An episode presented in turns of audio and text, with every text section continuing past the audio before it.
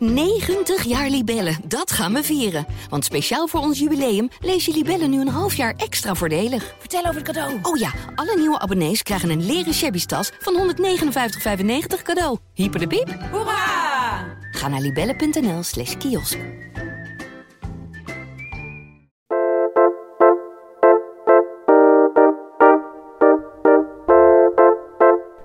Ja, goedemorgen. Welkom bij de Kamer van Klok. Uh, de podcast van de Volkskrant waarin we elke week uh, de politieke actualiteit bespreken.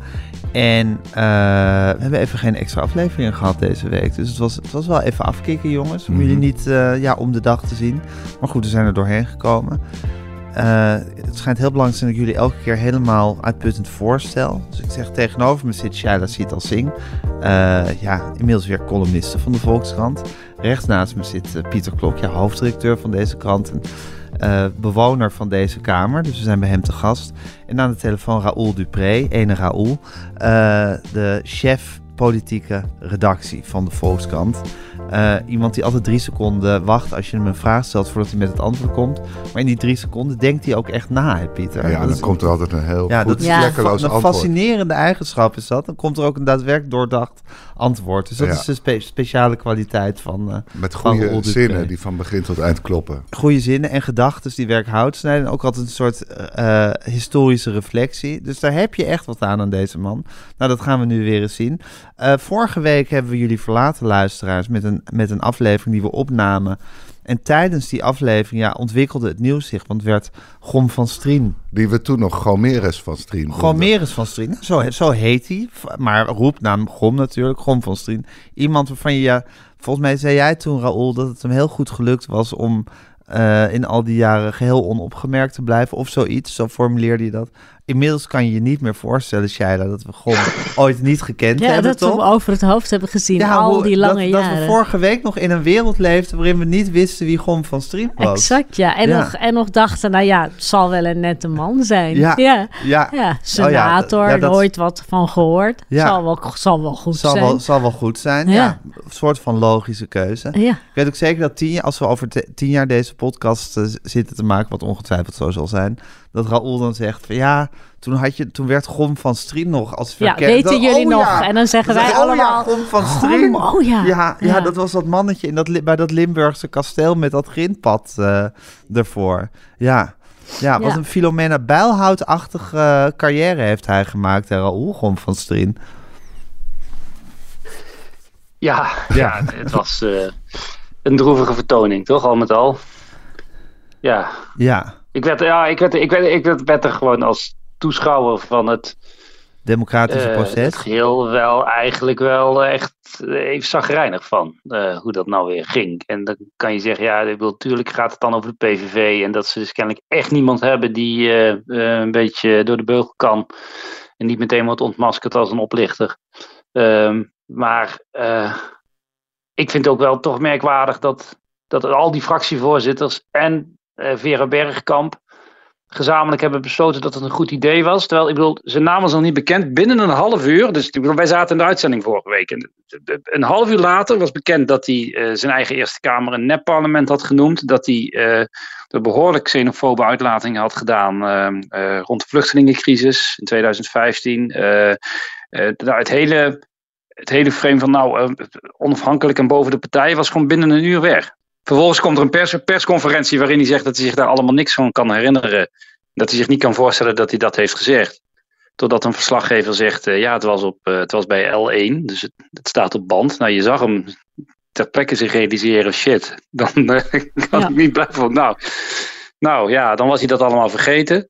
Ehm, nou ja, en de, de- wat, hoeveel uur was het later? Nog geen 48 uur later ehm, kwam NRC met het nieuws dat hij gewoon, dat er gewoon een aangifte tegen hem loopt. Een recente aangifte.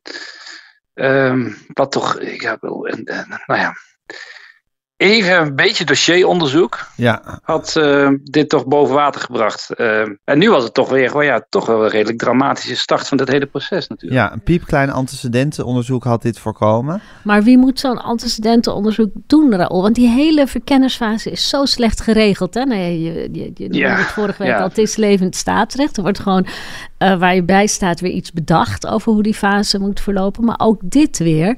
Het is niet zo dat Vera Bergkamp of, of, of, of het, het presidium van de Kamer de taak heeft om dan eerst die man onder de loep te nemen. Dat, dat heeft nee, niemand dat was ook het antwoord. Ja, Nee, we hebben natuurlijk ook Bergkamp gebeld. Van, eh, hadden jullie niet beter op moeten letten? Nou, dan zij zegt, ja, dat is niet mijn rol exact. in dit proces.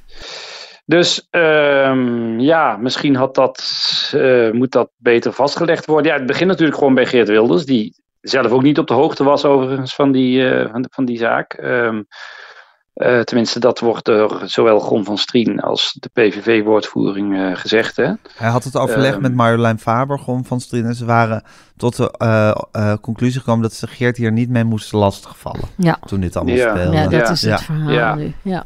Ja, maar dat zegt ook wel veel dus over hoe er gecommuniceerd wordt binnen de PVV. Want nou ja, ehm, zondag, zaterdagavond geloof ik kwam een NRC met dat nieuws. Nou, dan gaat iedereen op onderzoek uit. En ik bedoel, het, het, het inleidende kort geding over het vrijgeven van die stukken in die zaak staat gewoon online.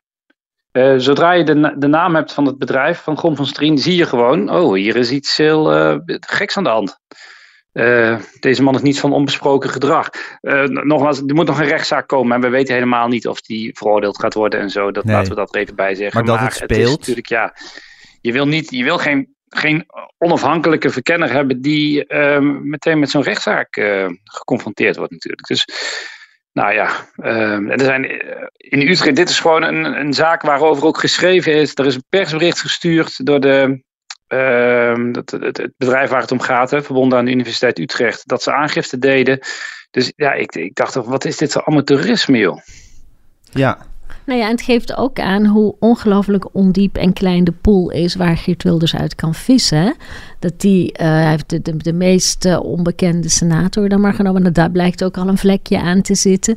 We weten uit het verleden dat heel veel van zijn, eh, ehm, van zijn zittende Kamerleden daar was wat mee. Dan hadden we iemand door een brievenbus geplast en dan hadden we iemand een barkeeper geslagen. Er is natuurlijk altijd van alles. En hij, heeft, hij kan verder niet zoveel. Hij is bij een PvdA uitgekomen. Dat is toch ook wel heel geestig. Ja, wel een geradicaliseerde PvdA, maar goed, toch, Niet te toch een lid van de Partij van de Arbeid. Ja, Ja. ik had een column gelezen vorige week... waarin eh, deze columnist Ronald Plasterk schreef... dat deze partijen maar een kabinet moesten vormen... en dat dat binnen, geloof ik, een maand gepiept kon zijn. Ja, ja. En toen dacht Wilders waarschijnlijk... eh, dit, is, dit is de man die ik Dit moet is de hebben. man die we moeten hebben. Maar nog heel even afrondend over Maar, maar, van ja, wat, Strien. Ja, Nou, nog één ding wat ik dus ook zo gek vind. Ze hebben dus eh, echt een paar weken voor de, voordat de verkiezingscampagne begon, is hier uitgebreid over gedebatteerd in de Kamer. Ze hebben gezegd, die verkenner die moet op afstand staan van de dagelijkse politiek. Nou, dat, een, een Eerste Kamerlid is dat eigenlijk per definitie niet. Bedoel, Die werkt gewoon op het Binnenhof. Die zit gewoon dicht tegen de partij want Dus dat vond ik al, al heel merkwaardig. Bovendien vraag ik me echt af waar toch de opvatting vandaan komt dat de verkenner een vertegenwoordiger van de grootste partij moet zijn. Dat is voor die verkenningsfase helemaal niet nodig. Je hebt gewoon iemand nodig die de wensen inventariseert van, de, van die fractievoorzitter. Precies wat Ronald Plasterk nu aan het doen is nou, Ja. eigenlijk. Ja. Dus, dus wat dat ehm, betreft is Plasterk eh, nog wel een eh, soort van logische keuze. Ja, maar Wilders had ook helemaal niet een eigen kring hoeven zoeken. Nee. Dat, dat, wij spreken iedereen kunnen zijn. Dus eh, ja, daar zitten ook gewoon misverstanden in het proces. Ja, Maar eh, het, heeft misschien ook wel te maken met dat Wilders, voor zover we eh, wat we van hem weten, van hoe hij opereert, dat hij ook gewoon een vrij kleine kring om zich heen heeft. En dat hij eh, moeite heeft om mensen iets verder weg ook te vertrouwen. Dus Wilders had Ja. ook misschien niet zo'n, heeft, heeft waarschijnlijk niet een Rolodex vol met namen van mensen met wie hij warme contacten onderhoudt en Nee. die die kan bellen en kan Nee. zeggen, goh, zou jij dat een hoogleraar met doen? wie hij wel eens een wandeling maakt Precies, of zo. ja. ja. Ja. Het is een klein, eh, nou wat je zegt, een kleine ondiepe pool waar hij uit Ja. moet eh, vissen. Waarschijnlijk, zoals het zich nu laat eh, aanzien. Nou goed, dat was Grom van Strien. En ja, wij maakten ons hier vrolijk aan tafel over Grom van Strien, Raoul. Maar jij hebt ons ook wel weer toch re- te- terecht ook een beetje tot de orde gewezen. Omdat je zegt, in, in een tijd waarin de democratie toch zo onder vuur ligt... is het toch eigenlijk wel weer een soort ja, weinig vertrouwenwekkend spektakel, dit. Toch? Daar komt het op neer. Wat zich hier heeft voltrokken. Ja, nou ja, ja. Als je, die, die hele verkiezingscampagne ging over alles wat er mis is gegaan op het Binnenhof eh, in de afgelopen twee jaar. En die, die ellenlange formatie van 2021 is daar denk ik een wezenlijk deel van. Ja, Ehm, en, ja, en als je dan weer zo slecht begint, alle energie van alle betrokkenen had het toch op gericht moeten zijn om een vlekkeloze start te maken. Ik bedoel, Ja. die verkiezingsuitslag is al ingewikkeld genoeg. Dus dan laat in, in, in vredesnaam het proces in elk geval eh, normaal starten. Ja. Maar goed, Fascinerend. Ehm, er, is een vrij, er is een vrij snelle herstart gemaakt, dat dan weer wel. En ik geloof dat Plasterk zich heeft voorgenomen om de tijd in te halen. Ehm, dus dan zijn we Gom van Strien ook wel weer vergeten, Dan toch? zijn we Gom vergeten. Even kijken. En ondertussen, het was ook zo, volgens mij tijdens de eh, opname van onze vorige aflevering, of misschien vlak daarvoor, maar in ieder geval eh, om en nabij, dat Dylan Jezelgus eh bekend maakte tot ja, onze aller verrassing toch wel een beetje, dat ze wel inhoudelijk wilde meewerken aan een eh, kabinet, een rechtskabinet, eh, maar niet geen ministers eh, wilde leveren. En ja, we hebben daar toen meteen, of jullie hebben daar toen meteen op gereageerd in de aflevering. Als in van, nou, dit is nog wel voor velerlei uitleg vatbaar en dit, dit kan nog alle kanten op. Is het, Pieter, dit heeft nu een week bij je liggen rijpen, dit, deze mededeling van Jezus Augustus. Is er nog niet hard op teruggekomen. Hoe kijk je daar inmiddels tegenaan? Nog hetzelfde? Ja, het is allemaal tactiek. En, en, en iedereen wil vooral dat een ander eerst gaat. Dat, dat is, eh, hè, want die moet misschien het meeste slikken of zo. Zo- Zij hoopt dat Omzicht eerst gaat. Of desnoods met Van der Plas samen. En dat zij dan als laatste nog, nog heel lang hard to get kan spelen. Hoe moeilijker ze te schaken is, hoe meer, hoe groter de bruidschat bescheidenheid. Het is niet aan ons. We willen het wel steunen, maar we vinden echt dat we de macht niet mogen opeisen. Maar uiteindelijk denk ik dat ze het gewoon helemaal geen prettig scenario vinden met eh, eh, een soort tweede viool spelen in een kabinet Wilders. Dat, dat, dat is voor de VVD volgens mij op geen enkele manier aantrekkelijk. Dat gedogen. Uiteindelijk. Dus misschien vinden ze nieuwe verkiezingen dan nog een eh, aantrekkelijker scenario. Maar dat kan je natuurlijk niet meteen op de eerste dag voor pleiten. Nee. Maar het is, dit is helemaal, het, het laat zich moeilijk voorspellen. En, en misschien, eh, nou ja, daar kan Raoul meer over vertellen. Ja, misschien eh, draagt het ook wel bij, laten we het ook nog positief interpreteren, naar, naar een, een, een, zoektocht naar een nieuwe kabinetsvorm. Want op de traditionele manier gaat het denk ik niet lukken. En met een dichtgetimmerd regeerakkoord en met deze vier partijen, Mhm. dat, dat gaan ze nooit uitkomen, denk ik. Dus misschien moet je iets nieuws verzinnen. En, en dan kan zo'n stap van je zielbus, dat, dat ze zegt van nou, ik ben bereid, als het beleid in onze lijn ligt, om dat te Ja, steunen. het woord minderheidskabinet gonste natuurlijk al tijdens Minderheidskabinet, zakenkabinet. Maar nou, Ja. ja. Raoul kan het beter uitleggen. Maar die, de- de- de- Lubbers was de eerste die dichtgetimmerde regeerakkoorden maakte. hè. Mhm. Dat was na die wilde jaren zeventig. Toen, toen, toen alles kon, het kabinet. Toen ze ook veel te veel geld uitgaven. Hè, want dat doe je als je het eigenlijk niet eens bent. Ja. Als politieke partijen. Dat heeft het kabinet ook gedaan. geld? Ga je alles gewoon Ja. afzoenen met geld. En dat gebeurde in de jaren zeventig. En zelfs ook nog onder het kabinet Wiegel eh, eh, van acht wat daarna kwam. En, en, en Lubbers heeft toen gezegd, dat willen we niet meer. We gaan strakke afspraken maken. Ja, harde rege- begroting. Maar dat is dus niet altijd zo geweest. Nee. En je zou in theorie terug kunnen naar eh, een systeem dat je op een A4'tje zet. Nou, dat is wel heel weinig. Maar dit willen we bereiken. Minder asielzoekers. Eh, nou, wat, wat zou het Ja. kabinet nog meer willen? Ja. Eh, nou, hoger Waar jouw vriend. Cenk Willink ook voor gepleit heeft. Ja, en, je dan, en, dan, je eh, en dan ga je de ministers bij zoeken. En dan zeg je, jij moet meer woningen bouwen. Jij moet zorgen dat er minder asielzoekers naar Nederland komen. Nou ja, nou, noem nog een paar dingen. Zeiden wat er in het regeerakkoord zal komen. Ja, Beetje arbeidsmarkt, denk ik. Ja. Ja, jij moet, jij moet zorgen dat de studenten niet meer heen ja komen. maar even los van, van welke, welk, wel, hoe, het, hoe het regeerakkoord er precies al uit, uitgezien. Het is toch wel, hoe dan ook, Shaila, een opmerkelijke stap... dat, dat je Zilkes nog voordat er überhaupt één gesprek gevoerd is... zo'n duidelijke eh, koers namens de VVD ging zitten eh, uitzetten. Namelijk buiten het kabinet. Nee, ik- ik- de VVD is heel lang gewend geweest om verkiezingen te winnen. En dan, dan ben je de grootste, dan heb je het voortouw.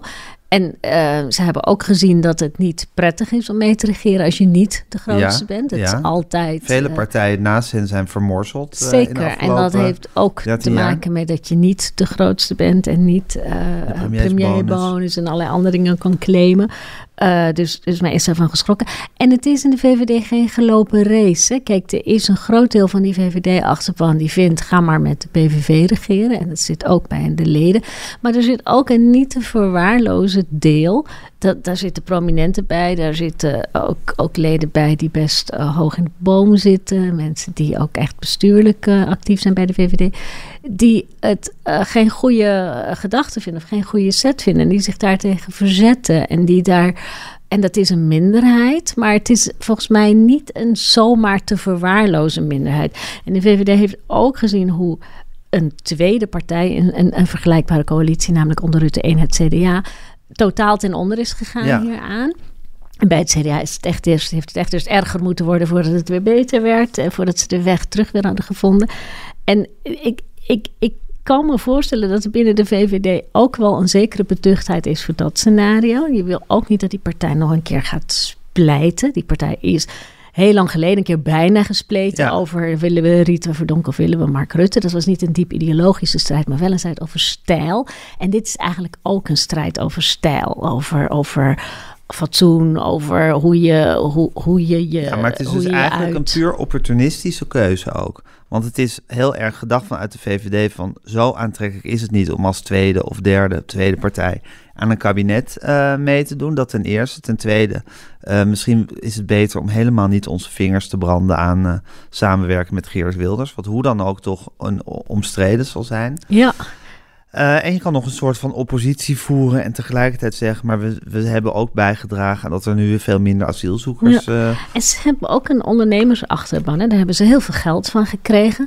Daar zitten ehm, grote ondernemers tussen die helemaal geen belang hebben bij een al te harde immigratielijn. Want die hebben arbeidsmigranten nodig. Het is deze week een, een tamelijk eh, sensationele uitspraak geweest van de rechter. Dat asielzoekers, eh, mensen die hier komen die nog geen status hebben, wel langer mogen werken. Zijn 24 werkgevers heel blij mee. Want Ja, er is een die enorm mensen gewoon nodig. tekort op de arbeidsmarkt.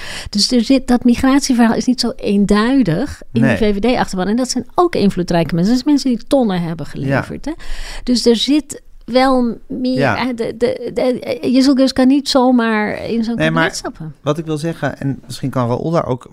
Kijk, er wordt steeds gezegd, ook door jullie hier aan tafel... van het is tactiek en het is een onderhandelingstactiek. En het is voor, maar zou het niet echt gewoon een oprecht gevoelde keuze kunnen zijn van... wij hebben helemaal geen zin, we hebben heel weinig te winnen daaraan... om aan dit kabinet mee te doen. En dit is gewoon onze positie, punt. Even los van wat Voor de eeuwigheid.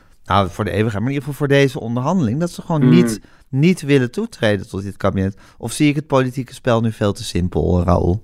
Ehm, mij valt vooral op dat de VVD geen principiële bezwaren inbrengt. Eh, althans, de VVD-top. Er zijn dus, jij heeft gelijk, er zijn wel VVD'ers die dat doen. Ehm, maar de VVD-top heeft een vrij zwabberig verhaal over eh, hoe dat. Dat begon al tijdens de campagne. Het begon met we zetten de deur open, want we willen geen kiezers uitsluiten. Toen op het allerlaatste moment, toen opeens bleek dat Wilders misschien groter zou worden, toen kon het niet meer. Ehm, terwijl de PVV zelf was in de tussentijd niet veranderd, zeg maar. Hè? Dus daar zat geen inhoudelijk argument, eh, lag daaraan ten grondslag. Ehm, toen, na, na, na de verkiezingen, eh, was het inderdaad al heel snel opeens. eh, eh, nee, we, willen, we willen wel. eh, of we willen dus niet in het kabinet, maar we gaan wel praten en we willen het wel mogelijk maken. Dus ik zoek gewoon hier wat, wat, wat is je inhoudelijk principiële argument? Het, het, het, het, ruikt toch vooral, vind ik, naar politieke strategie. En de kaart op de borst houden, eh eh nou, pokeren. Eh, kijken wie het eerst met de ogen knippert. En dan maar zien eh, of er eh, voor de VVD nog wat te halen valt. En Wilders maximaal onder druk zetten, denk ik. Om dat het, hij zich moet realiseren dat, dit, dat hij een probleem heeft om een kabinet te vormen. En dat hij dus heel veel zal moeten inleveren om dat alsnog voor elkaar te krijgen. Ik kan me vergissen, maar zo schat ik de Zo schat jij het in. stellingname van de, PV, van de VVD in. Ehm, Omdat je niet, zou ik maar zeggen, die inhoudelijke morele worsteling zoals het CDA die bijvoorbeeld destijds heeft gehad van willen we überhaupt met de PVV samenwerken? Dat, dat, dat hoor Nou, je die- eigenlijk ja. niet. Nee, en nog veel actueler, die eh, worsteling die nieuw sociaal contract deze week wel op tafel heeft Ja. gelegd. Bedoel, Daar moeten we het zo over hebben, maar daar Ja. zit een heel groot contrast. Ja, Uh, Omtzigt heeft, heeft wel inhoudelijke principiële bezwaren. Ehm, eh, en overigens lijkt het erop dat hij die misschien nog minder had dan een groot deel van zijn partij. Want zijn standpunt is weer strenger geworden in de loop van deze week. Mhm. Nadat die fractie bijeen is geweest. ja. Dus ehm, eh, ik, ja, ik zie daar toch een groot verschil. En ik, ja, ik ben zelf geneigd om de, de opstelling van de VVD veel meer te scharen in bijna het klassieke formatiespel wat heel vaak wordt gespeeld. Hè? Dat partijen zeggen, nou wij doen niet mee hoor.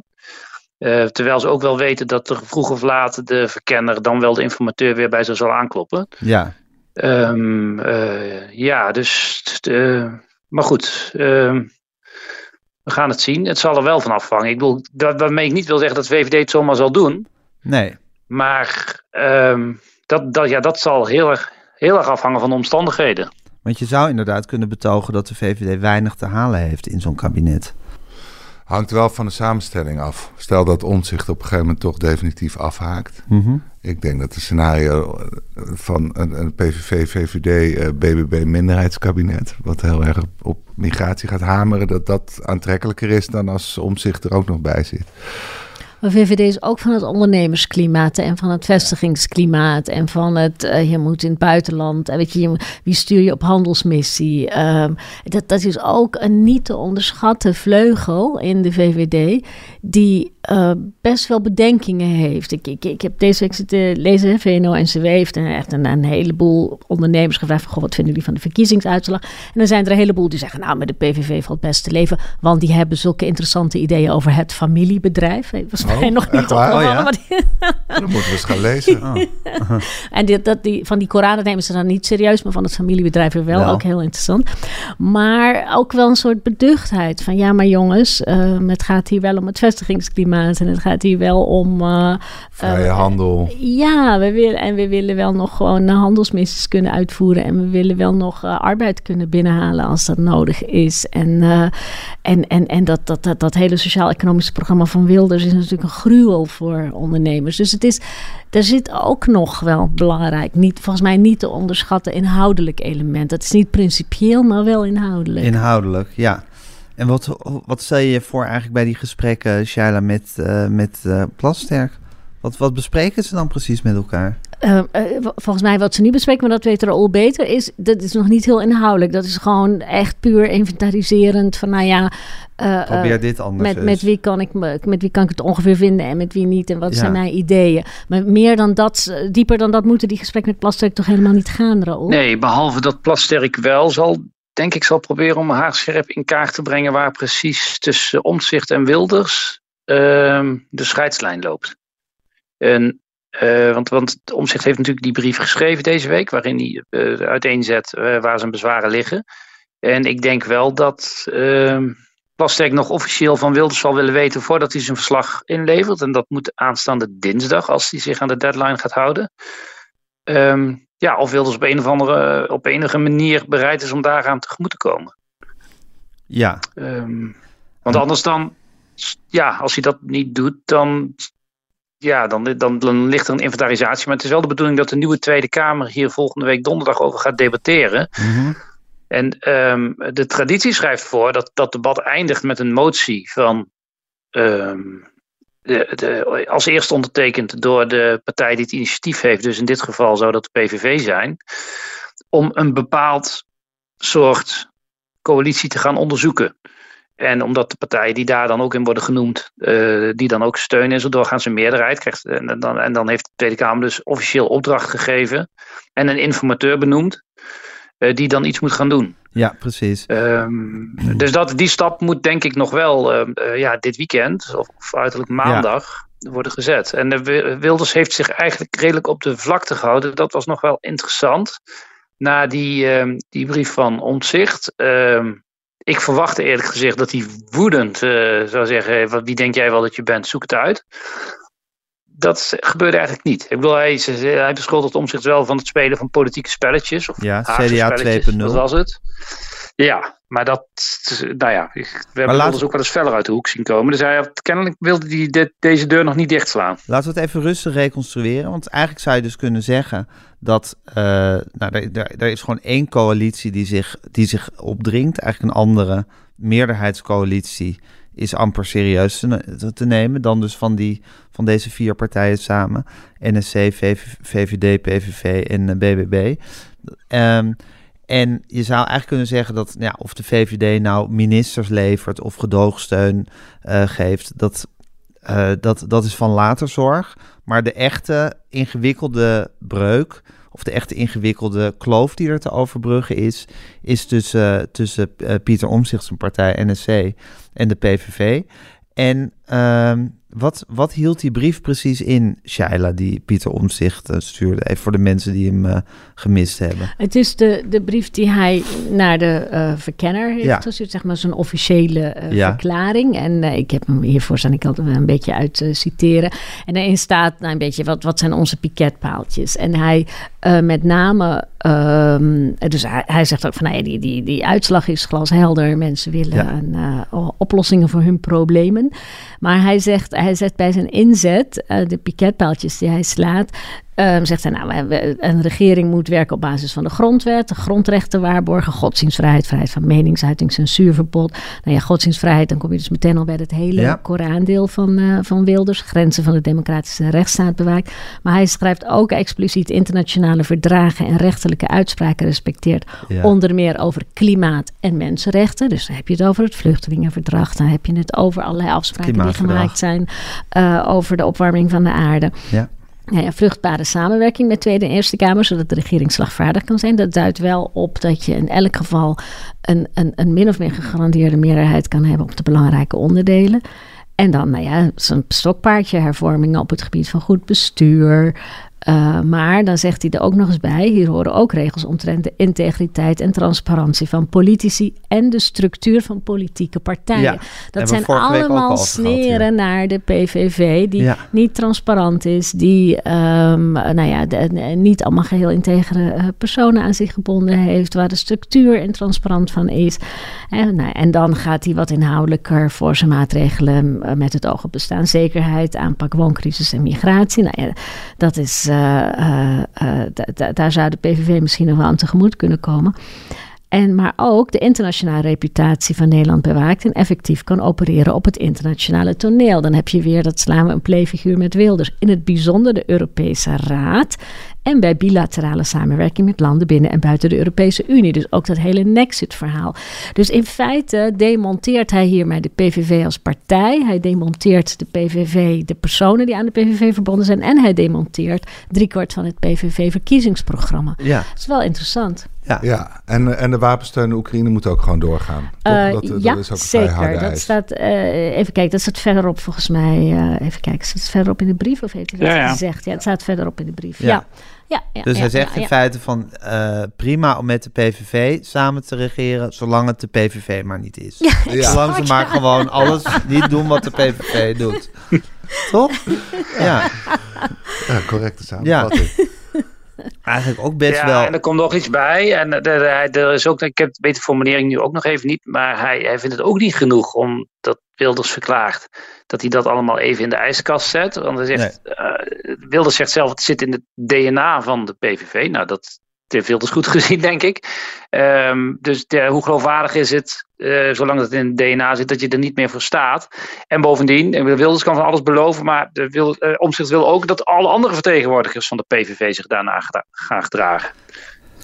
Ja. ja. Ga maar aan staan.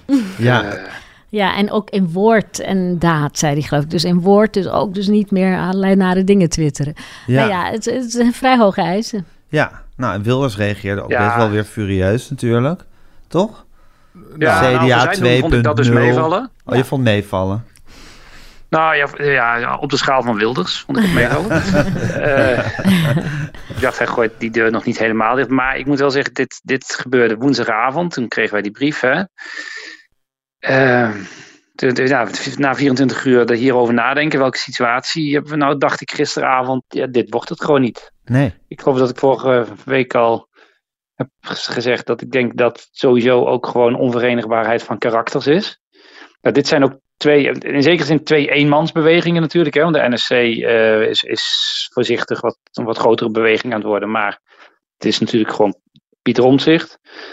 Uh, dus alles hangt af van deze twee mannen die elkaar dan moeten gaan vinden. En ik, ik zie gewoon geen enkele overeenkomst nee. eigenlijk in hun hele wezen, hun doen en laten, de manier waarop ze willen dat politiek wordt bedreven, dat het land moet worden bestuurd. Um, de, de, uh, ja, en die brief bevestigt dat eigenlijk in elke regel. Ja. En hun ik denk dat we dus uh, eigenlijk de, de, NSC moeten gaan afschrijven voor uh, een rol in een kabinet Wilders. Ja, en ze hebben, hun wezen heeft allebei ook iets, bij hun allebei iets heel onverzoenlijks. Anders dan Mark Rutte bijvoorbeeld, die gewoon een soort barbapapa is. Maar uh, en ze gewoon meebeweegt naar de situatie dat van hun verlang. Maar dat hebben Wilders en Omtzigt natuurlijk allebei helemaal niet. Nee, en het helpt dus je ook ziet ook niet... niet hoe ze allerlei diplomatieke stappen nee, richting dat, elkaar Het helpt natuurlijk ook nemen. niet dat ze dit twitterend uitvechten. Of xend, moet ik tegenwoordig zeggen. Ja. Dat ze niet, vorige week ging het erover dat ze misschien wel eens een keer moesten gaan eten. Nou, dat, dat is Nou, er was heel dus ver al- weg. ze hebben dus ook een onderonsje gehad. Ja, En ze daar- hebben een uur bij elkaar En dan ging. Wilders, dat ging er weer Wilders woedend, woedend naar buiten brengen dat dat niet, dat dat niet gememoreerd werd door Pieter Omtzigt.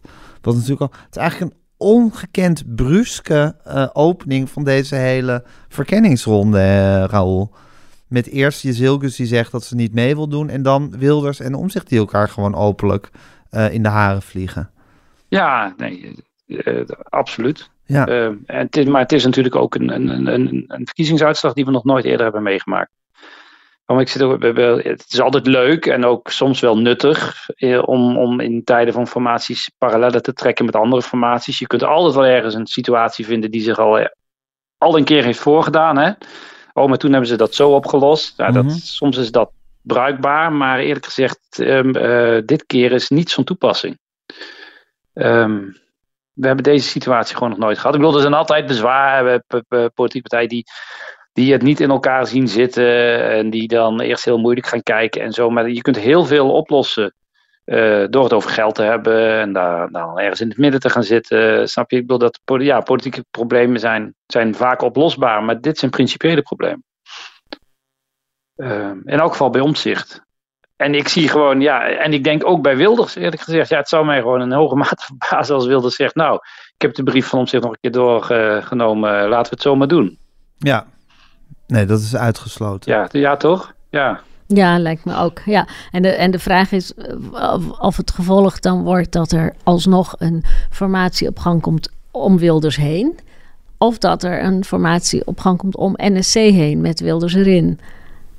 En allebei lijken me een hele slechte weergave van de verkiezingsuitslag. Of een hele slechte Ja, nou ja. uitkomst, ja. Ja, en dan, je zal wel zien, denk ik, ehm, eh, dat dan eh, alle ogen weer eh, gericht gaan richting de VVD. Ehm, nou ja, als omzicht echt zegt, ik begin hier niet aan. Eigenlijk heeft hij dat nou gezegd. Hè? Er is, op dit moment wil ik geen gesprek aan. Dan moet er dus dat allemaal, wat jij net hebt opgezomd, moet allemaal veranderen voordat ik ga praten. Ja.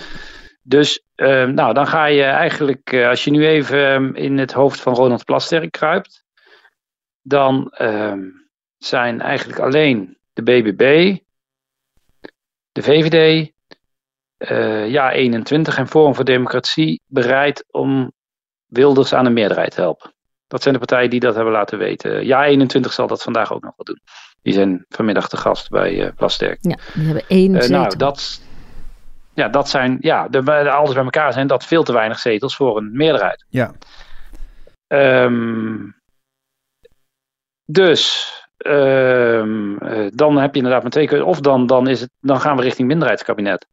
Ja, want de VVD wil wel meepraten. Dat is het interessante aan die opstelling van Jezelkus. Ze wil wel eh, onderhandelen over een regeerakkoord. Ja, ze wil geen minister Dus je zit, al half aan, je zit al half aan tafel. Dus Plasterk kan gewoon zeggen, nou, de VVD moet ook meepraten. Dan, dat, dat, dat kan Jezelkus nu niet meer weigeren, want dat heeft ze gewoon aangeboden. Ehm, ja, en anders dan kom je inderdaad op een heel andere combinatie. Maar dan eh, kom je op de linkse variant met eh, GroenLinks, PvdA en D66 erbij. En let daar ook op de stellingname van Jezelkus. Eh, met de PVV wil ze dus praten. En een linkse variant noemden ze deze week uitgesloten. Ja. Dus ik bedoel, de- haar afkeer van Frans Timmermans is groter dan haar afkeer van Geert Wilders. Ja. Dat is ook wel goed om in de gaten te houden. Hè? Want op een gegeven moment komt ook de, de, de vraag op tafel: wat vinden we de minst slechte optie? Nou, en dan heb je de derde optie, is natuurlijk nieuwe verkiezingen organiseren, maar dat kan natuurlijk nu nog niet. Ja, Dat kan pas na een paar, na een paar maanden. ja. Maar je zou kunnen zeggen dat Om zich eigenlijk op een manier afstand heeft genomen van Wilders, zoals Timmermans dat ook heeft gedaan. Alleen Timmermans heeft dat wat, wat eh, helderder eh, verwoord. Ja, en, wat, en, en, en eerder en duidelijker. En eerder ook en duidelijker, echt precies. Met woorden als nooit en uitgesloten. Ja, uitgesloten. Maar dit, dit komt eigenlijk op hetzelfde neer. Pieter? Nou, je ziet volgens mij hier ook een, een vertraagde reactie. Want wij hadden vorige week ook zelf nog even de, eh, de- deze overwinning geanalyseerd. Mhm. En kwamen tot de Wie conclusie. is wij? Als Volkskrant. Ja, En kwamen eigenlijk tot de conclusie dat wij eh, eh, met betrekking tot Wilders niet de kans hebben gehad om ons journalistieke werk goed te doen. Heel veel vragen zijn niet gesteld. Hij kwam zo snel opzetten. En we zagen hem heel lang niet aankomen. We hebben, wij hebben zijn verkiezingsprogramma niet besproken. We hebben alle verkiezingsprogramma's besproken. Maar toen hij van Wilders kwam, dachten we, ja, dat weten we nou wel. En die haalt toch altijd 17 zetels. Die, Die doet niet mee. Hij was gewoon heel lang... Had bij de vorige verkiezingen Geen een hele factor. slechte uitslag. Dus toen we hem ook gingen interviewen, eh, eh, kreeg je ook geen vragen. Eh, ja, je krijgt, iedereen krijgt de vraag: wat doe je als je 76 zetels hebt? Maar eigenlijk niet van stel, u moet straks een kabinet vormen. En met u gaat u dan en u gaat u dat oplossen. En u denkt u dat te doen in Europa met uw reputatie. Dus heel veel vragen zijn hem niet gesteld tijdens de campagne. Toen won die enorm. Toen dacht iedereen, oh ja, dan moeten we ons dan maar bij neerleggen. Dan ga je zo reageren. Ja, dat is toch logisch op rechts. En je ziet, zoals jij net heel goed schetst, binnen de VVD krijgen ze nu pas gedachten die ze misschien voor de verkiezingen al moeten hebben, eh, hadden moeten hebben. Als, als we dit heel lang zagen aankomen, hadden we heel veel vragen waar veel eerder op tafel gekomen, ben ik overtuigd. En waar heel veel discussies al eerder Dus gevoerd. en nu krijg je jij eigenlijk- dat zowel de Volkskrant-redactie als de VVD, het VVD-campagneteam, helemaal in de geconditioneerde staat was van de PVV is een soort grote... Nou, zoals hooguit een junior klonk. partner. Hooguit, Ja, maar eigenlijk Ja. niet. Eigenlijk waarschijnlijk gewoon als soort eeuwige roepende oppositiepartij van iets tussen de 15 en 20 blijft zetels. altijd hetzelfde. Ja, dat is gewoon een soort constante geworden. Ja, dus dit Ja. is echt, eh, dit, dit, dit is voor iedereen zo'n totale verrassing eh, gekomen. Ja, en dat dus heeft je- ertoe geleid dat we dus heel veel discussies niet hebben gevoerd van tevoren. Die normaal, eh, volgens mij heeft Peter Kan het ook wel gezegd, dat het heel laat op gang kwam, de bewegingen. Het was heel lang stond die drie ongeveer op hetzelfde niveau. Er gebeurde niks. Ja, En, en wij, ja, het gaat tussen deze drie. ja maar tegelijkertijd iedereen hebben we ook duizend keer, ook hier in de podcast gezegd, maar de echte beweging kan nog ineens in de laatste Ja. drie dagen gaan Maar plaatsvinden. dat is zo heftig. Net zoals D66 vier jaar of Ja. eh, voor, bij de vorige En, verkiezingen. en dat is een hele effectieve strategie, Ja. want dan worden, dan worden heel veel kritische vragen niet aan jou gesteld. Want, want eh, we, we zagen hem niet eens aankomen. Hij komt zo pjoe, als een komeet. Kijk, ik bedoel, ehm, eh, ik denk dat iedereen eh, nu heel graag een televisiedebat zou willen zien tussen Pieter Omtzigt en Geert Wilders. Ja. nou ja, Bijvoorbeeld, hè? Nou ja, Eh, ik- liever dan tussen Pieter Omtzigt en Frans Timmermans. eh, wat we wel eh, hebben gezien. Weet Ik je, herinner me het- het, het- het, het fameuze SBS-debat. wat toch, waar, de- waar de eerste, pff, nou, ik gok wat zes, zeven minuten. gingen over de vraag van meneer Omtzigt: zou u met meneer Wilders willen, willen regeren? Nou, en dan gaf Omtzigt dus dan het is zo van: nou, met dit verkiezingsprogramma wat hier ligt, dat is niet staatsrecht. Dus dat is niet. Dat, Ja, maar dat, dat was- dat zouden we niet Maar willen. dat was nooit in, met in ons achterhoofd, hij wordt de grootste. Dus dan is het een heel Nee, andere vraag. Het is een heel andere vraag. Wil je in een kabinet waar Wilders premier is? Dat is een heel andere vraag. En daar is het nooit over gegaan. Misschien op het allerlaatste een beetje. Nou, en Jess, ja, Ja, op het laatste Ja, is nog aan Jesse ja, want dus is ook nog gevraagd. Toen heeft ze nog op de radio gezegd eh, eh, dat ze niet ging dienen onder een premier Ja. Wilders. Die vraag is haar toen expliciet Ik gezegd. heb Maar eigenlijk dat op het. Ja, ik- de, op de dinsdag voor maar de alle, alle consequenties van, van een premier Wilders. Hè? Wat we natuurlijk bij Omzicht, die is wel op een gegeven moment behoorlijk gefileerd. Die werd ook in het begin vrij welwillend behandeld. Want Ja. hij was nieuw en nou, we waren vooral nieuwsgierig. En Ja, we, we zijn keken alles, wekenlang met de we premiers keken alles met verwondering. Maar bij Omzicht heeft het, heeft het uiteindelijk nog wel al die kritische vragen gekregen. Is hij er überhaupt wel geschikt voor? Eh, eh, waarom wijfelt hij zo? Dat is een slecht voordeel. Dus die is nog drie weken lang gegrild op dat onderwerp van wat als hij de grootste wordt. Wilders is hooguit een, een, een halve dag gegrild op dat onderwerp.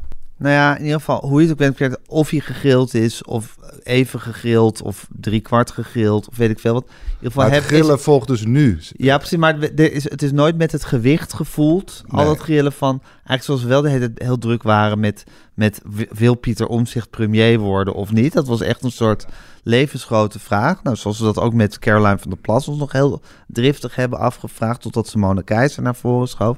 Maar eigenlijk die, met dat gewicht is er nooit naar Wilders gekeken. Nou, onterecht. Nee, en dan- en dan dat is nu, Ja. nu is iedereen dat eigenlijk in Je vertwijfeling krijgt aan het eigenlijk nog naweeën van Ja. het debat wat, wat voor de verkiezingen gevoerd Ja. Ja, je krijgt nu allemaal stukjes. van, Oh ja, maar dat verkiezingsprogramma is eigenlijk helemaal niet zo links. Want hij maakt helemaal geen keuze over, over inkomensherverdeling. En uh, dus dan krijg je allemaal een soort van hele serieuze analyses van die paar alia's die er staan. Die zich eigenlijk ook helemaal niet laten analyseren. Want je, Ja. er staat helemaal geen context omheen. Nee.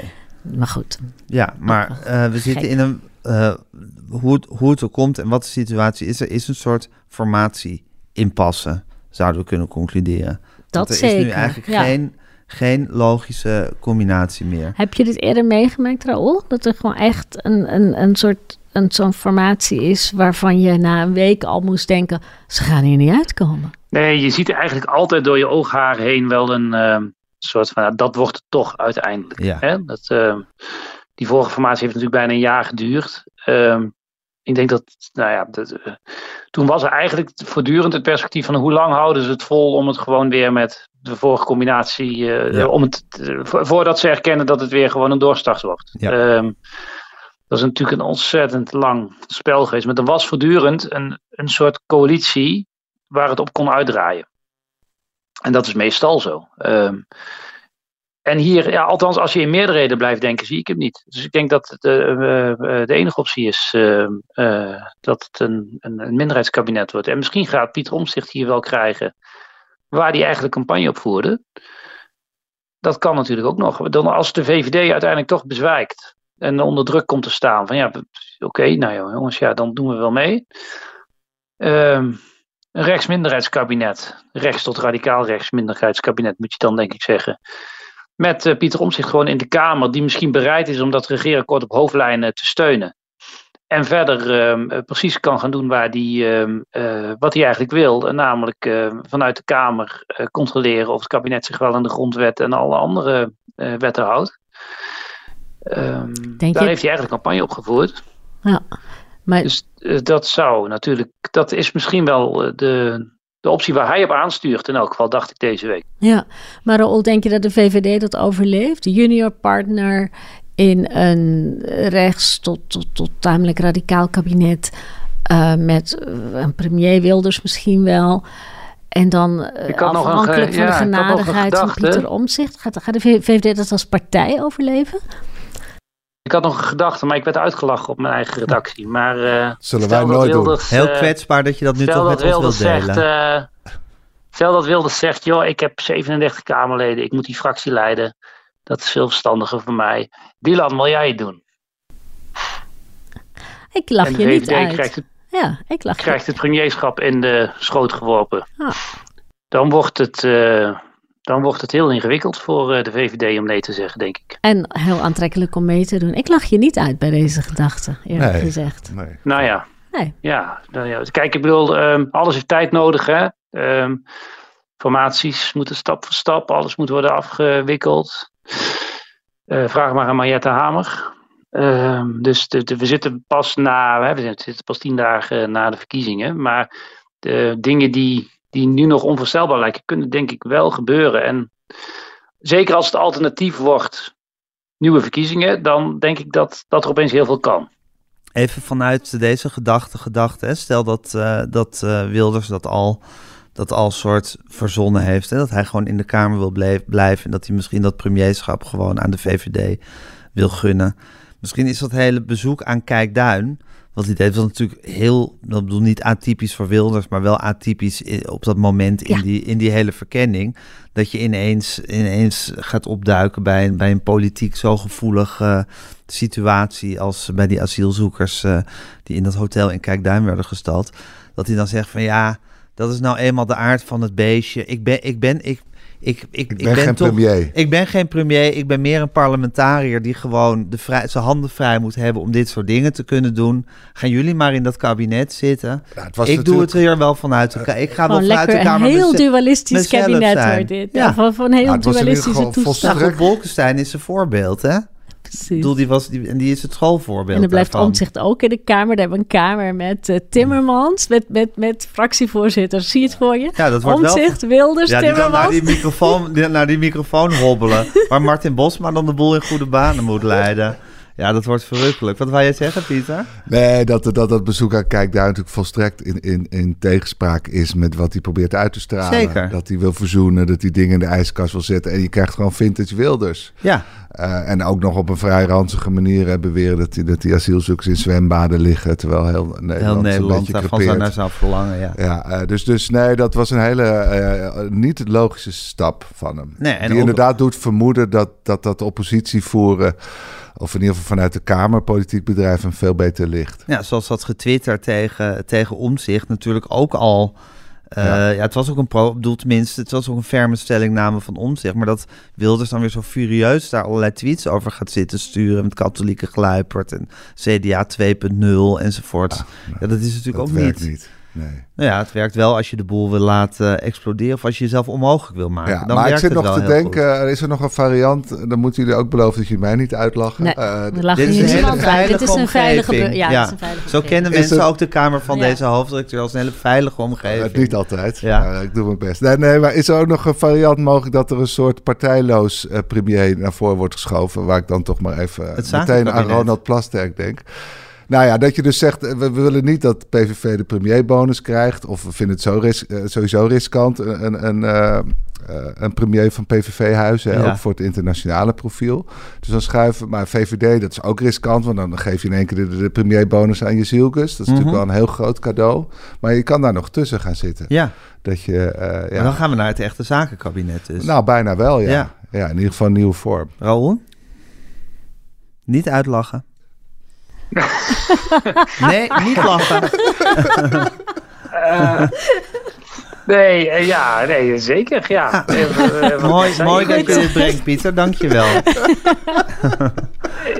Ik denk dat, ja, ik denk dat, dat, dat echt alles, dat, dat we nog verbaasd gaan worden over waar, dit, eh, waar Ja. dit op uit gaat komen. Dat vind ik wel interessant. Er gaan nieuwe vormen ver- ver- eh, verkend worden. Want met de traditionele vormen, ja, dat probeer ik net duidelijk te maken, met het dichtgetimmerde regeerakkoord gaan we er niet komen. Nee. Dus er moeten nieuwe dingen eh, uitgeprobeerd worden. En dat kan wel, eh, ja, dat kan ook interessante experimenten Nou ja, het opleveren. grappige is natuurlijk dat Pieter Omzicht hier aanhoudend over heeft zitten praten tijdens die campagne. Minderheidskabinetten, zakenkabinetten, eh, noem maar op wat voor. Hij wilde zelfs nog zelf premier worden in een kabinet met allerlei professionals. Hè? Heeft hij toen op een gegeven moment Ja, bij, een soort, ja, een soort zakenkabinet. Ja, en Ja. Dan, dan min of meer apolitieke figuur, waarvan ik me afvraag of dat niet een fictie is. Maar goed, dat... eh, Ja, je kan je Ja. afvragen wat er nu op dit moment nog een fictie is. Ja. Misschien is het inderdaad een soort, soort, soort eh, team met, met, met soort rechtsgeoriënteerde professionals. Die gesteund worden door, door al, allerlei partijen die eigenlijk hun handen niet willen branden aan zelf in een kabinet gaan zitten. Of hun vingers niet willen branden aan zelf in een kabinet gaan zitten. Is nog best, eh, best voorstelbaar. En misschien ook helemaal niet zo'n heel onaantrekkelijk idee, Shaila. Nou, Zo- Vind je zo- wel? ja, zo, je, zo, je hebt een, een mooie carrière ergens op, aan een universiteit of in een bedrijf. En dan krijg je een telefoontje of je in een hoogst onzeker kabinet wil stappen van twijfelachtige samenstelling waarvan niemand weet of het het eind van het volgend jaar gaat halen. Ga je daar je baan voor opzeggen? Ja, Ja? Ja, nou, misschien is het wel, is, misschien is het wel een soort, soort een hele nieuwe vorm van besturen die heel verfrissend en verhelderend gaat. Het is sowieso een avontuur.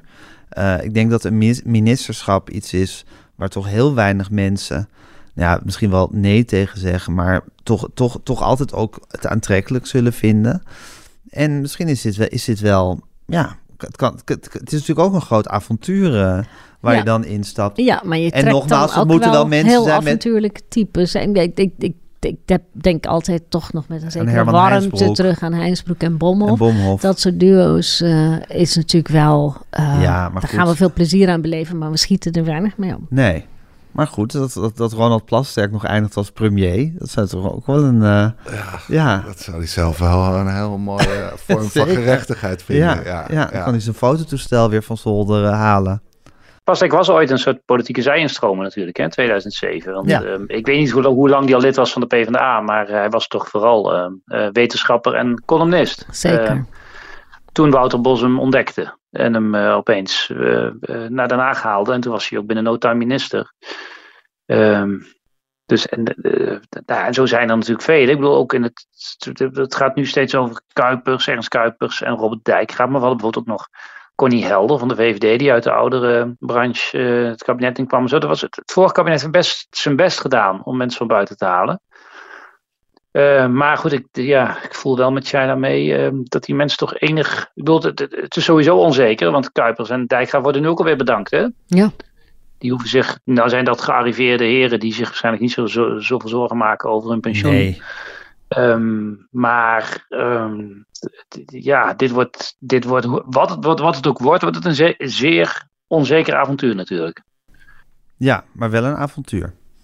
dat, Ja, ja. dat kunnen we ja vaststellen. en misschien ook wel, ook wel weer ehm, eh, kansrijker in de zin van dat je iets kan bereiken dan zo'n kabinet waar je in komt vol partijpolitieke belangen en een soort eh, ja, heel lang ingesleten hiërarchie die er toch al is tussen sommige partij, mensen waar je dan maar weer als, als soort professional dan je tussen in moet. Nou ja, goed, ik weet het ook allemaal niet. Maar het is, er, er zal iets atypisch moeten gebeuren. Dat is, een ding Ja. wat, dat is een ding wat zeker is. Ook om aan de verkiezingsuitslag recht te doen. Want inderdaad, een, een, een, een soort links georiënteerd kabinet zou natuurlijk ook gewoon helemaal niet passen in eh, wat de uitslag heeft. eh, Nee. heeft eh, Nou ja, een, behelst. meerder- een meerderheid is een meerderheid, vind ik altijd. Eh, dus als er een links Ja. kabinet erin Ja. slaagt om een meerderheid erbij Dan is dat een meerderheid, dat ja. is waar. Nou ja, kijk, je hebt in Italië natuurlijk het kabinet onder Draghi. Die hadden ook op een gegeven moment een heel chaotische politieke situatie. Of eigenlijk al sinds de oorlog natuurlijk. Ja, Maar, maar daar werkte het vrij goed. Er was Ja. ook wel, die moesten door een crisis loodsen. Dan, dan, dan is het denk ik ook wel wat makkelijker. Dan word je niet zo snel afgezet. Maar het kan wel. Als Ja. je een hele goede premier hebt met heel veel statuur... dan eh, kan je die- die het een beetje bij elkaar kan houden. En eh, de Kamer de hele tijd kan overtuigen. Ja. Dan kan je misschien eind komen. Maar dat, kijk, het, het, het moeilijke is natuurlijk dat politiek is, is, is steeds meer een avontuur aan het worden. Hè? Met, met verkiezingsuitslagen die elke keer weer radicaal anders zijn. ja, Eh, dus ja, je kunt je Ja, afvragen, tot- wie, wie ook als je de Kamer in gaat, je weet dat het binnen een jaar of twee jaar weer afgelopen kan zijn. Ja. En eh, dus je moet je dan afvragen, ja, wie komen daar uiteindelijk nog op af? En het gekke is ook mensen dat die, als je mensen nu... die niks te verliezen hebben, komen er dan in toenemende mate op af. Ja, dat is natuurlijk niet goed voor de kwaliteit. Nee. En het gekke is ook dat als je zou zeggen van nou misschien draait het op nieuwe verkiezingen uit, dat het dan ook een soort tombola wordt wie er dan weer de grootste wordt of hoe het, hoe het zich dan zal verdelen. Ja. Het is helemaal niet.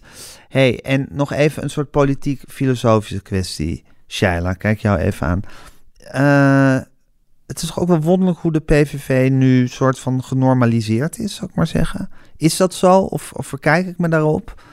Het, Eh, het lijkt soms wel zo, hè? En dat heeft ook wel te maken met ehm, inspanningen die, eh, die op het Binnenhof zelf worden gepleegd. Bijvoorbeeld Jisselkus, die de hele tijd het heeft over centrum rechts, centrum rechts, centrum rechts. Als ze het heeft waarom over... is dat erg? Of waarom is dat, wat, wat, wat, valt je, wat, is, wat is daar opmerkelijk aan? Nou ja, dat is opmerkelijk omdat je, ehm, omdat je dan een, een, een kabinet... Dus dan, he- dan heeft ze het over een kabinet met de samenstelling PVV, eh, VVD, NSC. eh, NSC, BBB.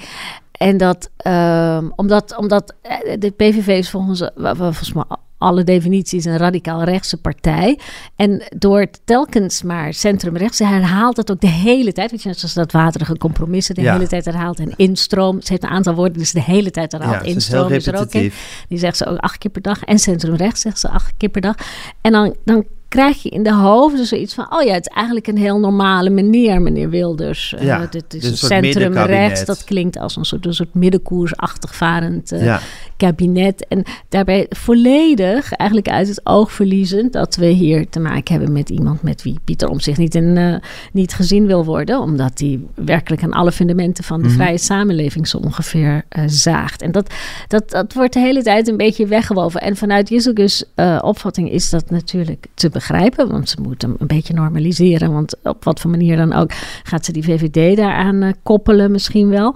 Ehm, maar daardoor wordt het overgenomen. Dus je hoort het, het is makkelijk, je citeert er, centrum rechts... en dan vergeet je er de aanhalingstekens eh, omheen te zetten. En voor je het weet, heeft iedereen het over een heel normale... alsof Ja. het heel normaal is. Dat is alsof het een beetje... eh, Die.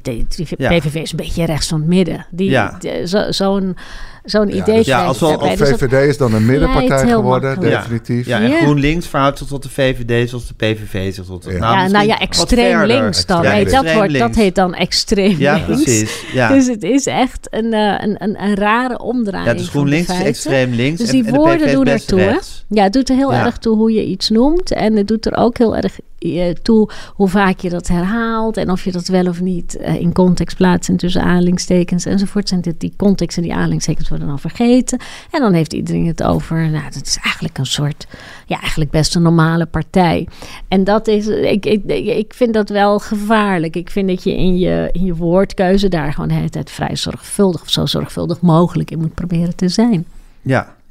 En ehm, is, is, vind je dat, dat eh, de linkse mensen, nou de linkse mensen, maar is de linkerkant van het politieke spectrum in paniek genoeg?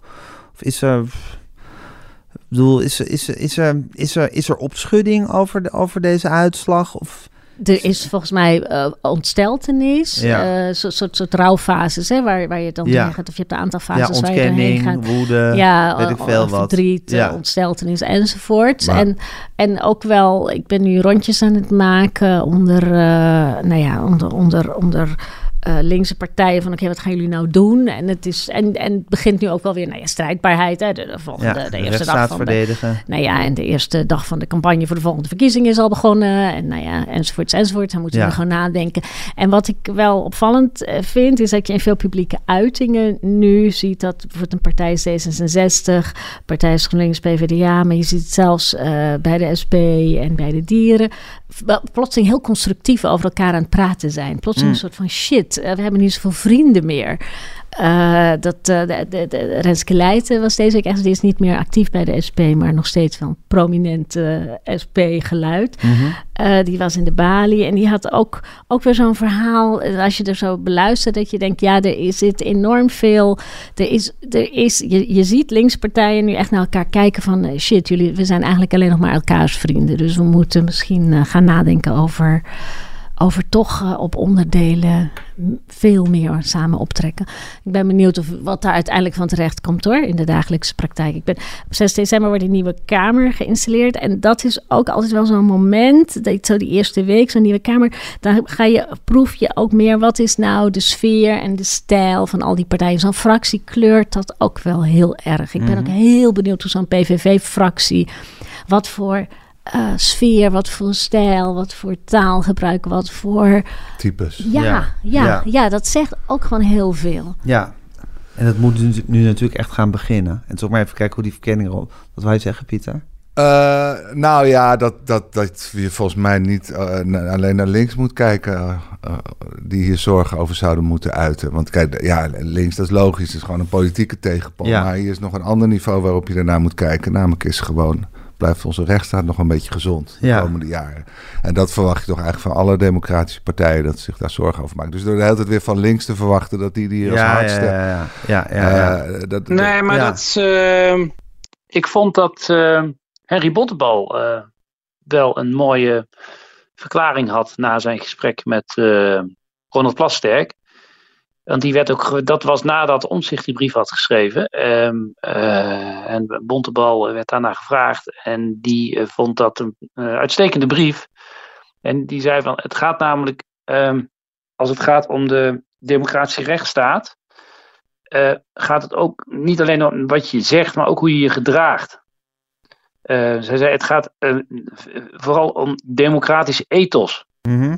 Eh, dus hoe, hoe ga je om met de instituties die de democratische rechtsstaat overeind houden? En dan eh, moet je denken aan de rechterlijke macht, eh, de vrije pers, maar ook het parlement zelf. Als Mhm. daar dingen worden gezegd waar je het niet mee eens bent, hoe je daarop reageert. En daar heeft natuurlijk de, de PVV een zeer bedenkelijke staat van dienst op gebouwd in eh, de afgelopen twee decennia. Ehm, als, als iets het eh, PVV-DNA is, is het toch ook dat. Afzetten tegen alles ja. wat met instituties Nep, of de elite nep parlement, nep whatever. Ja, Ja, Ehm, eh, nou, ik kan maar zeggen, het, het- het- bijvoorbeeld het verzet in het CDA. Ik bedoel, nou ja, we kennen de geschiedenis van die partij met ehm, eh, de PVV. Nou, het is nou een overzichtelijk partijtje geworden. Maar eh, het verzet van Bontebal is ook vrij principieel, bijvoorbeeld. Ja. Bij D66 kennen we het. Dus het is echt niet iets alleen, wat alleen ehm, leeft in, ehm, eh, in het linkerdeel van de Kamer. En je zou ook kunnen zeggen, ik sprak van de week iemand die zich grote zorgen maakte over eh, wat het land, eh, de afslag die het land nu neemt. Het Nederlands zelfs heeft ook wel een soort ingebouwde schokdempers. Stel dat omzicht in de Kamer blijft, Mhm. wat hij zelf denk ik ambieert, dan is daar gewoon een vrij ruime eh, meerderheid die eh, toch echt wel zich dan doel gaat stellen om te voorkomen dat er ook maar één wet wordt aangenomen die de rechtsstaat zou schenden. Ehm, dus Ja. dat is ook wel weer eh, de situatie. dat is nog wel een vrij veilige marge. Het is niet, eh, want je hebt, heel, heel veel analyses zijn natuurlijk van de, dit, dit parlement is rechtser dan ooit. Dat is, dat is waar, denk ik, als je het op sociaal-economisch en zo eh, eh, bekijkt.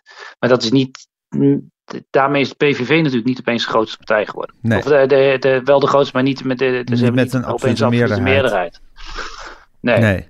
Ehm, dus, maar goed, dat, inderdaad, ik kijk ook erg uit naar de installatie van de nieuwe Kamer. Juist om de verhoudingen in, in dit soort debatten die ongetwijfeld snel gaan komen. Want ja, de actualiteit dringt zich weer op, er komen dingen en dan, ja, hoe, hoe is de sfeer veranderd daar? Ja. Precies, ja. Dan gaat het gebeuren. Wanneer wordt de nieuwe Kamervoorzitter gekozen? Nou, dat is dan de week daarop weer. Oké. Dus je krijgt nu eerst het afscheid van de oude Tweede Kamer. Uh, dat is dinsdag. Dan krijg je woensdag de installatie van de nieuwe Tweede Kamer. En dan uh, de week daarop, als ik het goed heb, wordt de, is de bedoeling dat er een nieuwe Kamervoorzitter wordt gekozen. Ja. En wie zou dat worden, jongens? nou, nou, wat denk je? Wat denk jij, Shaila? Wie denk jij? Uh, uh, ik, ik weet het niet. Kijk, uh, Martin Bosma heeft altijd Kamervoorzitter willen worden. Wordt ja, altijd heeft geroemd. altijd kandidaat gesteld. Ja, zeker. En uh, wordt ik altijd geroemd omdat hij die debatten goed leidt. Maar ik weet niet of je en de Kamervoorzitter kan leveren en, en de premier en, en enzovoorts enzovoorts. Dus ik weet niet of dat dan zo voor de hand ligt. Uh, nou, het is toch wel vaker dat, dat, uh, de, dat er iemand van de grootste partij de Kamervoorzitter heeft uh, geleverd. Ja, de VVD, ja. dat was Vroeger. even, Ja, even ongelukkig. Ja, maar dat en Jootje is. van Nieuwenhoven, het was de Partij van misschien ook wel. Ja, maar het is, eh, het is op zich. eh, ehm, ik kijk ook even voor hulp nu naar Raoul. Het is op zich eh, volgens mij ook wel een goede traditie dat je de, de functies een heel klein beetje verdeelt, toch? Ja, nou, nou ja, nee, eigenlijk is het. ehm, tot de vorige keer was er eigenlijk een mooie traditie ontstaan, want dit is een volstrekt vrije stemming. Ja, ja. Eh, daar eh, wist bijvoorbeeld iemand als Frans Wijsglas als eerste van te profiteren, want die was niet de kandidaat van de VVD, maar kandideerde zich op eigen titel en werd toen gekozen. Huh.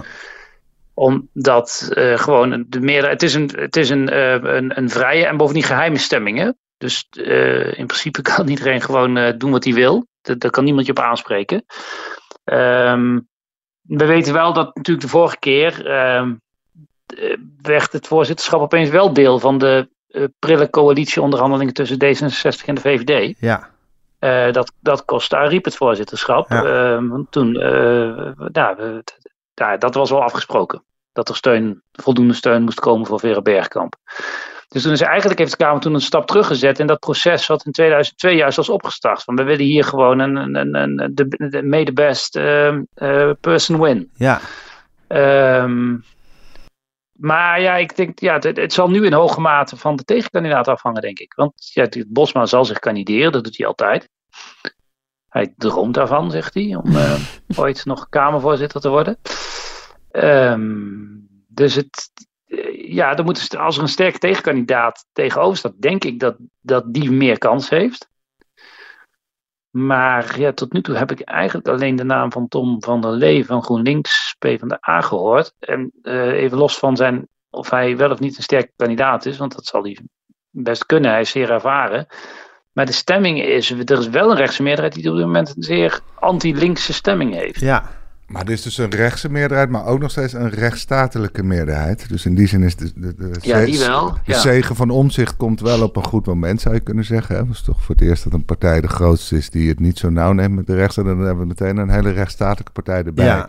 Dus als in al die discussie die rechtsstatelijkheid wordt benadrukt. ja. En misschien ook Zal bij de Kamervoorzitter. En dan sta, eh, staat Bontebal misschien ook op om te zeggen dat de Kamervoorzitters een democratisch ethos moeten hebben. Ja, ja, ja.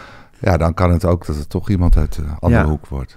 Nou, het worden spetterende tijden, jongens. We gaan dit allemaal met En we weten één ding zeker, Ronald Plasterk volgen. kan heel snel werken. Want die stond erom bekend dat hij binnen een half uur een column kon schrijven. Zo, daar was de eindredactie altijd heel blij mee. Nou ja, hij moest dan soms een nieuwe column Wanneer schrijven of komt zo. die? Oh, vergeten. Nou, over een half ik uur. tik is- wel even een nieuwe. Ja, Ja, ik weet niet of de kwaliteit al te goede ja komt. die man maar- heeft zijn hersens, dat is ongelooflijk. Daarmee is hij ook kanker aan het genezen en alles.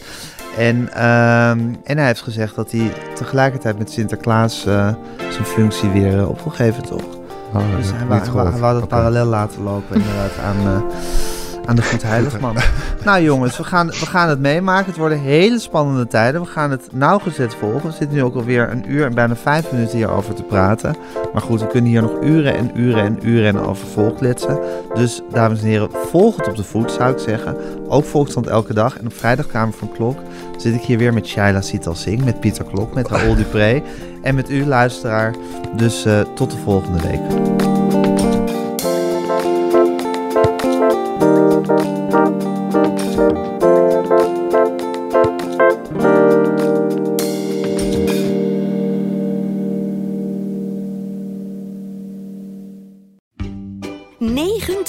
Libellen, dat gaan we vieren. Want speciaal voor ons jubileum lees je Libellen nu een half jaar extra voordelig. Vertel over het cadeau. Oh ja, alle nieuwe abonnees krijgen een leren shabby tas van 159,95 cadeau. Hyper de piep. Hoera! Ga naar libellen.nl slash kiosk.